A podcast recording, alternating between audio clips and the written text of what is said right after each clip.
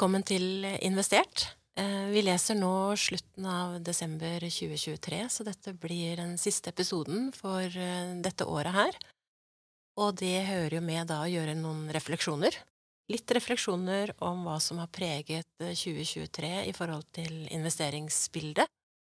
Da syns vi det var hyggelig å invitere to kollegaer. Gjenbesøk av Sturla Skogland og Christian Bjerknes, våre investeringsspesialister, til å kunne tenke høyt og reflektere sammen med oss. Og i studio er Heidi. Og Mikael. Og hvis vi skal snakke om 2023, så er det kanskje greit å, å gå tilbake til eh, starten, eh, altså slutten av 2022. Eh, og Sturla, som, eh, som, ofte ellers, så, så, har det vel kanskje ikke gått helt som planlagt, eller som vi trodde, ved inngangen av 2023. Ja, vi det, det, stemmer. Vi, vi, diskuterer jo dette her eh, på desken også, og diskuterte litt hva liksom, ordet vi skulle bruke for å beskrive 2023. Det ble jo mm. mange alternativer, men en av de kan jo være faktisk eh, overraskelse. Ja. Det var ganske mange eh, økonomer og strateger i hvert fall, som var høyt over på banen eh, i slutten av 2022 med sine prognoser. Og det er jo, dette er jo en øvelse som hele bransjen gjør hvert år. Og de kommer jo nå også, når alle disse såkalte utblikkene og outlooksene er kommet fra det store. Og det som kanskje eh, var en av de viktigste tingene, sånn som vi har i hvert fall tenkt, om hva som var tanken i utgangspunktet inn i 2023, så var det at eh, det skulle bli en global resesjon mm. i 2023. Det var det ganske høy enighet om. Så kanskje starte der. Ja, og så er det jo sånn at det er alltid risiko i markedet. Det er gjerne det som er en etter at du har tenkt på alt, ikke sant? Det du ikke har tenkt på. Ser vi tilbake på ta 2020. Da kom covid. Ingen tenkte på det inngangen til året. Det var andre prognoser, andre forventninger.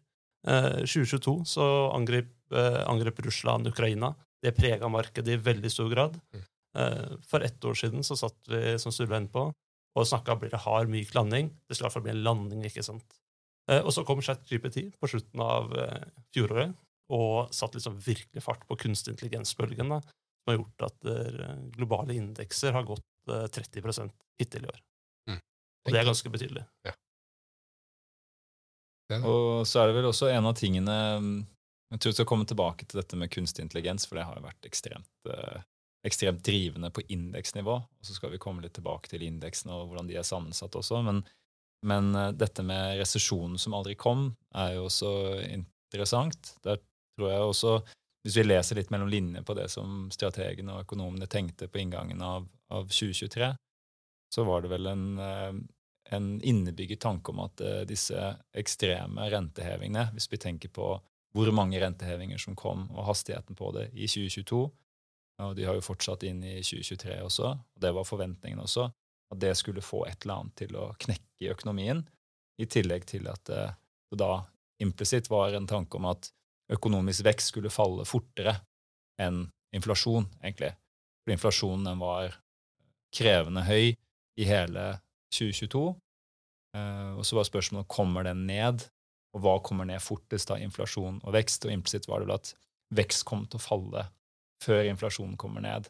Det kom til å skape en resesjon. Ja, den fryktede stagflasjonen. Men det, det, handler jo litt om på en måte, erfaringen vi har hatt historisk òg. Veldig ofte når renta har blitt satt opp mye og så raskt som vi har gjort nå, så pleier noe å ryke, som man sier. Ja. Og, og, det preger jo litt forventningene. Og så har det ikke gjort det. Eh, ennå, iallfall. Eh, vi vet jo ikke hvordan fremtiden blir.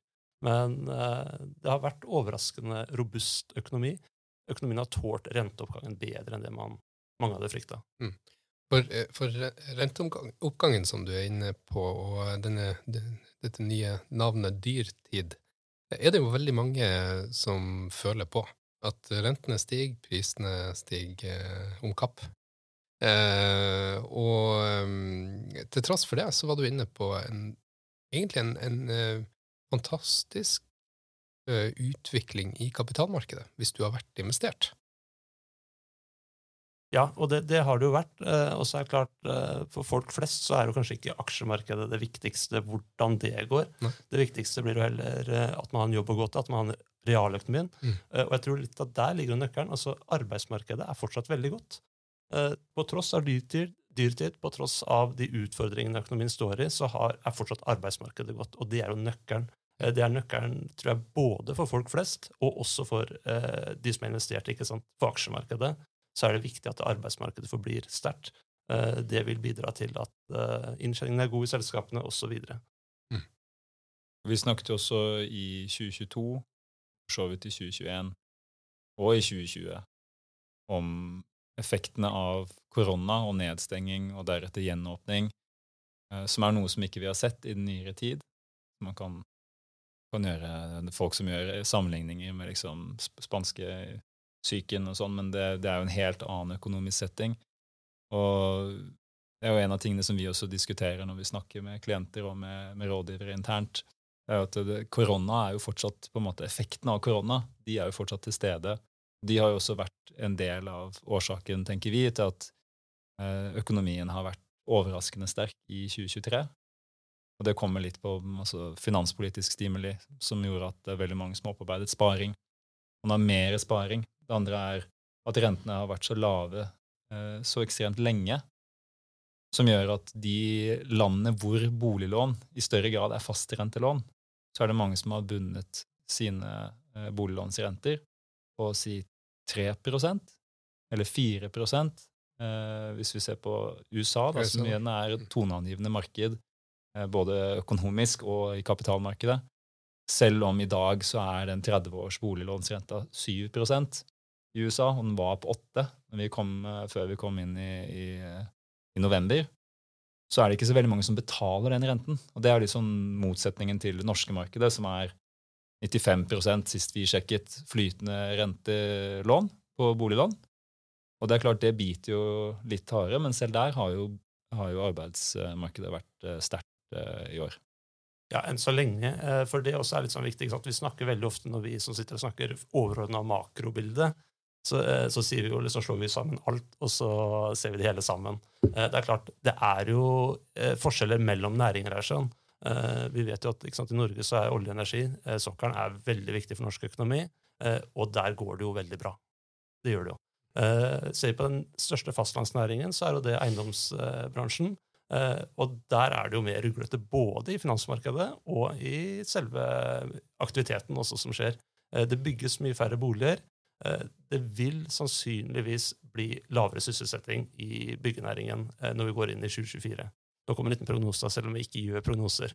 Men, eh, men så langt så har det liksom vært ålreit. Men det er klart, det er forskjell på næringene, og det gjelder også når vi ser på investeringer. For det er klart, har det vært investert i eiendomssektoren de siste to åra, så har du hatt en stor nedtur. De aller fleste store eiendomsselskap falt jo til 50% i verdi Mm. på børsen. Sånn rundt regnende typ, i hvert fall hvis vi ser på fond. Uh, mens andre har jo gått opp. Og da typisk, vi kommer kanskje litt inn på det vi kaller for Super Seven eller Magnificent Seven, altså de store tech-selskapene i USA, som jo har hatt et fantastisk år. Så Mm. Men hvis vi skulle oppsummere litt uh, 2023 i forhold til hvordan det har vært å, å være investert i en, i en bred finansiell likvid portefølje, hvordan, uh, hvordan har det gått, da? Har jo vært eh, et veldig godt år. Eh, og det er også, vil jeg si, et overraskende godt år. Um, tar opp dette med Mag Magnificent Seven, Mag Seven, Super Seven. Kjært barn har mange navn. Mm. Eh, det, har, det er så Ok, hva snakker vi om? Hva er Magnificent eh, Seven? Jo, altså, det, er, det er jo de store ikke sant? Det er tech-selskapene, Nvidia, det er Apple, det er, eh, er Tesla inne der også. Tesla inni der. Tesla ja. eh, Google, eh, Alphabet. Alphabet, som det heter eh, på selskapsnavnet. Som folk kanskje kjenner som Google. Eh, Microsoft har. Microsoft er inn, inne. Så store, store tech-selskapene. Det har vært en veldig konsentrert oppgang. Eh, de har drevet Det var en periode som all oppgang på den amerikanske børsen kunne tilskrives disse syv store. Mm. Resterende 493 selskaper på, på den brede indeksen var relativt flatt. Ja, I USA snakker vi da om USA eh, med. SMP 500. Ja. Og der ser vi jo de syv selskapene, ikke bare har de gått ekstremt bra, det er jo litt sånn, det er jo forskjell i avkastning der, men alle har gjort det eh, bedre enn den brede indeksen. Eh, eh, og snittet, hvis du har liksom, hadde en portefølje med de syv, likevektet da, gjorde vi. Det er opp 100% 100% avkastning på de syv, hvis du eide de syv selskapene utelukkende i en portefølje. Det er jo fantastisk avkastning, men ikke bare det. Dette er gigantiske selskaper.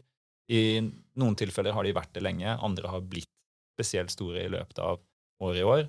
Eh, Da tenker vi spesielt på Nvidia, som var vel opp 200 og var det 240 hittil i år, Ja. i norske kroner Nei, i dollar. I dollartermer. De traff dobbelt med først krypto og så kunstig intelligens. Ja, det kan man si. Ja. Så Og så er du litt inne på det når du begynner å snakke om dollar med kontra norske kroner, for det har jo vært nok et år som krona svekka seg. Eh, og det var nok kanskje ikke mange som forventa ved inngangen til året, for krona var allerede svak. Han svekka seg mye også i 2022. Eh, men også i år så har krona falt med omtrent 10% mot både dollar og euro. Ja. Eh, Og egentlig alle valutaer som man Ja. måler eh, som man kan måle norske kroner mot. Og den også kikket vi på og tenkte Av og til så sitter vi og så har sånn floskler selv, eller sånn tommelfingerregel når vi snakker om eh, valuta, er Sånn, ja, eh, norske kronen har styrket seg. Så er det ja, men er det kanskje dollaren som har eh, Klager. Norske kronen har svekket seg. Så sier vi nei, kanskje det er dollaren som har styrket seg, men det er ikke det. I år så er dollarindeksen, som ofte man bruker, den er ganske flat. Eh, Så det er egentlig den norske kronen som har eh, svekket seg enda et år, da. Eh, Så skal ikke vi lage prognose på hvor den norske kronen skal, Kristian, eller vil du det? Nei, jeg skal ikke, jeg, jeg skal ikke driste meg til det. Eh, all erfaring sier jo at der, eh, analytikerne bommer. ikke sant? De klarer ikke å treffe på krona. Selv om det er 50-50 veddemål, så har eh, norske analytikere i alle fall trodd på kronestyrkelse de siste ti åra. Og vi vet, jo, vi vet jo hvordan det har gått. resultatet, ja. Og hvor mye av en, eh, en global portefølje du, du nevnte kronesvekkelsen, da, men, men hvor mye har dette utgjort i, i avkastning, da? eh, I en global portefølje? Ja, så Det kommer litt an på hvordan du måler det. Mm. Kristian var inne på at rundt 10 Jeg tror tallet nå er vel sånn 11-12% mot, eh, mot dollaren og euroen. Dollaren Mm. er jo den største delen hvis man måler det globale aksjemarkedet Mm. med MSCI World, eksempel, hvor USAs aksjer utgjør ca. 70 eller i overkant av 70 Så klart dollaren er den dominerende faktoren der. Um, og da, da blir det jo ganske nærme 10% Det blir nok litt mindre enn det. da. Det er noen valutaer som har styrket seg mindre mot Mm. norske kronen i år. Eh, Så da må man se på hvordan porteføljen er satt sammen. Men valuta absolutt har hatt et utslagsgivende bidrag. Men eh, igjen, hvis vi ser på eh, Kanskje ta et, et skritt tilbake, så er det liksom uavhengig av valuta, så har det jo vært et bra eh, år.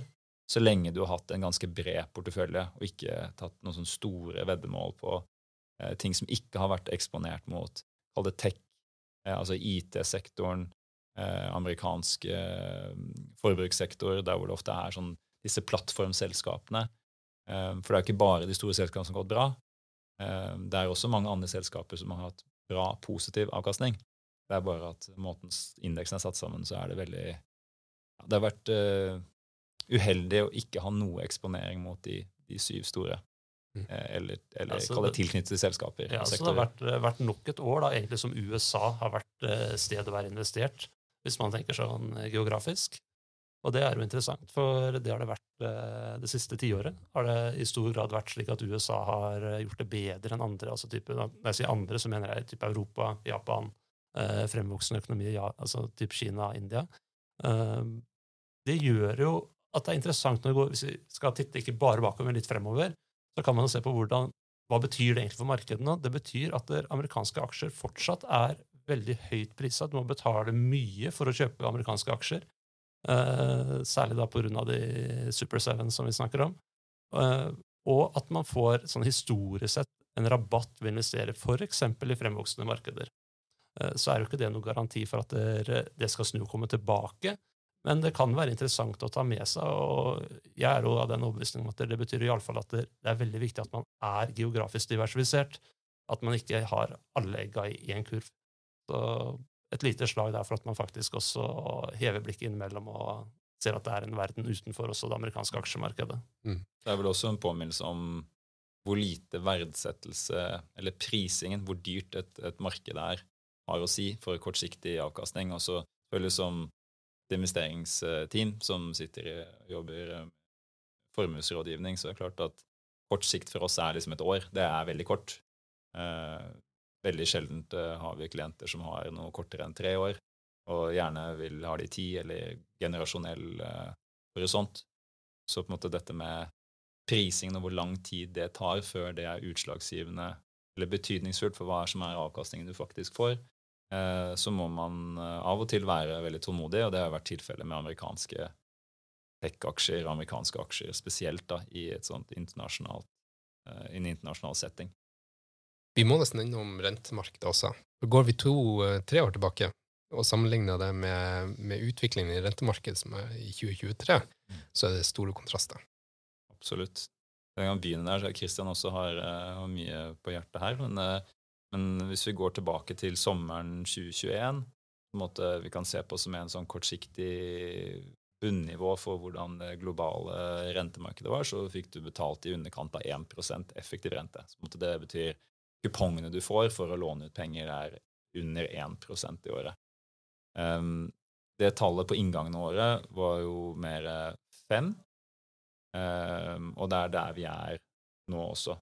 Så vil si at uh, avkastningen i år har vært da rundt det som du eh, har som effektiv rente. Det har vært litt høyere fordi at disse kredittpåslagene som jeg har snakket om på tidligere mm. podkast, uh, de har kommet litt inn. Så du har på en måte fått kupongene underveis, og så har du fått litt inngang i kredittpåslagene som gjør at du har fått litt høyere gevinst enn en, den effektive renten som, som uh, egentlig yield-nivå eller effektiv rente sa på inngangen av året.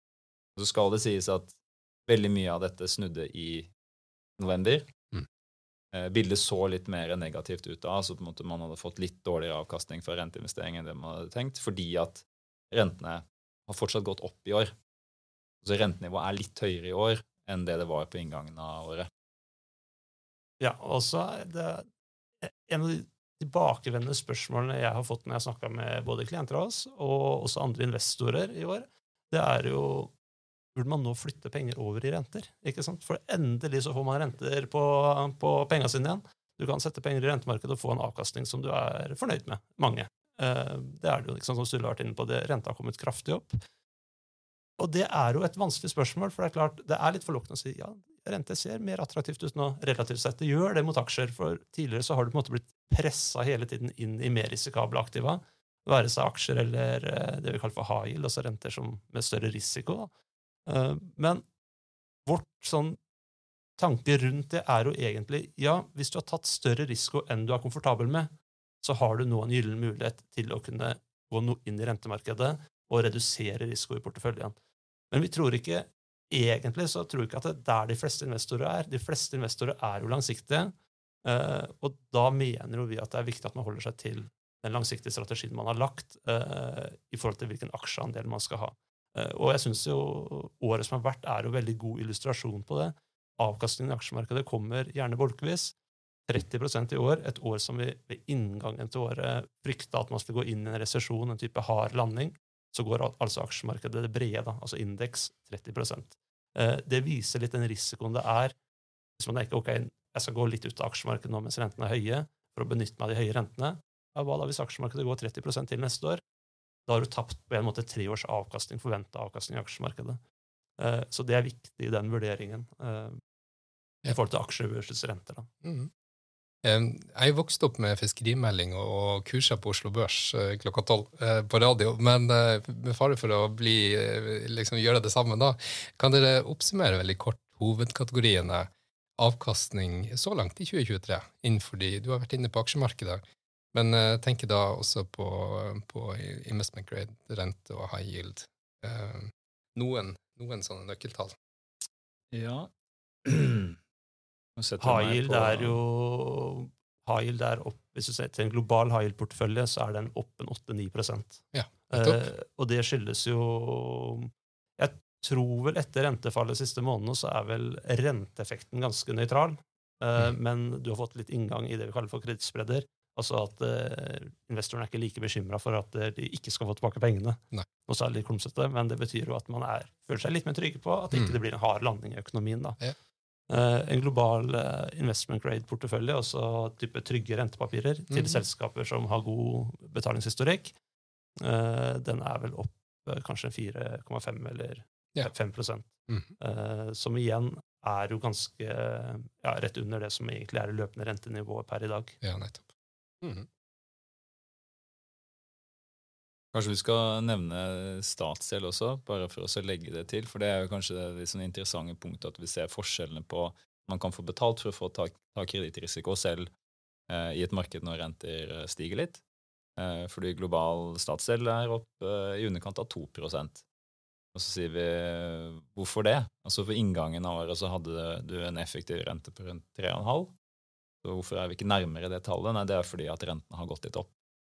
Uh, nå, nå, mener vi fortsatt at for visse klienter så er dette et veldig verdifullt verktøy i en portefølje igjen. Mm. Bare fordi at uh, effekten av at eventuelt rente faller igjen i løpet av neste år eller året etter, det er jo positivt for en sånn type investering som har lang løpetid. Og da er global statsgjeld en måte å få den eksponeringen uten å ta noen form for kredittrisiko. Det som ofte skjer når renter faller, er jo pga. at det er en svekkelse i økonomien Eh, og så må vi også eller, ja, Det er vanskelig å bedømme dette sånn 100% men vi tenker i hvert fall at det påslaget du får for å ta kredittrisiko, kanskje spesielt innenfor high yield, men delvis også innenfor IG, er jo ikke veldig høyt. Eh, som betyr at i en eventuell svekkelse av økonomien, eh, hvor renter etter hvert kommer ned, så kan man forvente at den, det påslaget går opp og motarbeider egentlig den positive bevegelsen som rente, rentefall har på sånne sikre obligasjoner med lang løpetid. I tillegg til, til selve avkastningen i, i porteføljene, så, så, er det klart vi er ganske avhengig av skattesystemet i forhold til uh, nettoen man, uh, en investor sitter igjen med. Og Heidi, det har jo vært ganske store bevegelser i skattesystemet også de, de siste årene, men kanskje ikke så mye nå for i år? Nei, det, det, det har du rett i, i Mikael. Og Skatt, skatt har jo kommet for å bli, holdt jeg på å si, litt forenkla mm. sagt. Den er, den er, jo alltid til stede. Mm. Men hvis jeg skal prøve meg på noen overordna refleksjoner fra, med skattebriller, da, så, så har jeg vel egentlig et hjertesukk og et nyttår, nyttårsønske som henger litt sammen. Og jeg sitter med en sånn klar oppfatning, og jeg tror jeg snakker for flere, at de siste to årene så er skatt blitt mer uforutsigbart. Plutselig skatteendringer, eh, vanskelig å planlegge, vanskelig å være næringsdrivende. Så, så, for fremover, i 2024, og de som er politikere, så ønsker jeg og håper at eh, skattereglene kan komme tilbake der vi var for noen år siden, altså med brede skatteforlik og forutsigbarhet. Mm. På tvers av politiske partier, altså. Rett. Det håper jeg virkelig at politikerne kan, kan få til. Mm. Så et sterkt ønske fra min side der. Ja. Så, men hvis eh, Tilbake til, eh, til eh, investeringsbildene litt, da. Prøve å samle litt trådene fra det dere har sittet og reflektert rundt. Men fra, fra, det, det, jeg sitter og kjente dere at jeg tenker på når dere snakker, er at alle internasjonale problemer, kriger, liksom, Ukraina, grusomhetene på Gaza, dyrtid i Norge Og så er jo budskapet deres at uh, har man vært heldig og hatt midler og vært investert, så har det gått veldig bra. Det blir en form for paradoks hvis man løfter blikket litt. Ja, Gjør det ikke det? Ja. Så, sånn, sånn, er det ofte. Det kan jo virke litt sånn nesten sånn forferdelig. At det er sånn at man kan ha masse optimisme mm. i, i, kapitalmarkedet når det er også masse bekymringer og vanskelige ting som foregår på samme tid. Um, et perspektiv uh, som jeg har mye sympati med, er jo bare at tilpasningsdyktigheten til selskaper er enorm. Det glemmer vi ofte inn når vi går inn i så nye, vanskelige tider som om det er konflikter, eller om det er høy inflasjon. Inflasjonen er fortsatt høy, selv om den har kommet litt ned. Det er jo én ting. Ja, også I tillegg så er det slik at man eh, får betalt for å ta risiko. Eh, så det vil si, hadde ikke vært disse risikoelementene, hadde ikke vært eh, ting som så negativt ut, så hadde man ikke fått betalt heller for å gå inn i aksjemarkedet. Jeg tror det også kan være en uh, delvis forklaring, for du er inne på noe veldig mm. viktig. der, sånn, Det var liksom en del ting da vi gikk inn i 2023 som så Oi, ikke sant, det, det så dystert ut. Det, det, var, det, var, lett å finne ting som kunne gå galt. Uh, og det er klart, når det da Jeg skal ikke si at det ikke har gått galt, men at når det ikke har blitt kanskje verre enn forventa, i alle fall, så, så, kan det bidra positivt inn i aksjemarkedet, rett og slett. Man må hele tiden måle det opp mot hva var forventningen til inngangen til året. Da kommer kanskje også dette med som vi kaller sånn sentimentet. At ofte du kan få liksom positivitet og forventninger frem i tid, at ofte så kan i hvert fall aksjemarkedet det kan jo hoppe over noen år. Altså De ser jo til tider veldig veldig kort når ting ser veldig bekymringsfullt ut, men når ting ser sånn stabilt ut, man får litt optimisme, så begynner jo eh, aksjemarkedet også å se to-tre år frem i tid og kan på en måte se gjennom eh, bekymringer til liksom dataen sier noe annet. Og der er jo alle bølgen eh, og interessen rundt kunstig intelligens kan jo være en av de tingene som i hvert fall på overskriftsnivå ser at har drevet aksjeindeksene i veldig stor grad. Og den er jo fortsatt ikke bevist, i hvert fall jeg påstå, at uh, effektene som kunstig intelligens kan ha og vil ha på måte, økonomien, og som den fjerde industrielle revolusjon, disse tingene som det refereres til, der er vi jo veldig, veldig, veldig tidlig. Uh, og det gjenspeiles jo litt med at de aksjene som, som, på en måte markedet hvert fall har sagt at det er min måte å få eksponering mot kunstig intelligens-trenden, de har jo blitt dyre i, i snitt i løpet av året.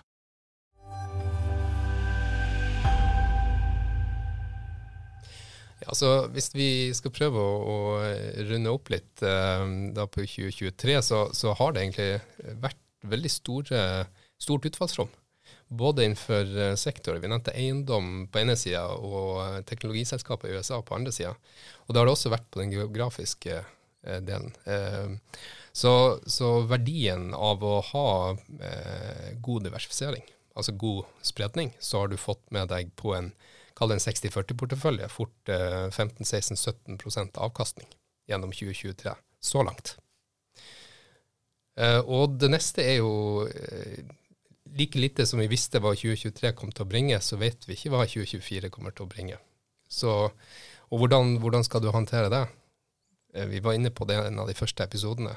Hvis du legger en plan, sørger for å, som Kristian var inne på, vite at det er mulighet Eh, så lenge det er risiko. Og hvis du da tar, tar, risiko, så kan du forvente deg over tid god avkastning også.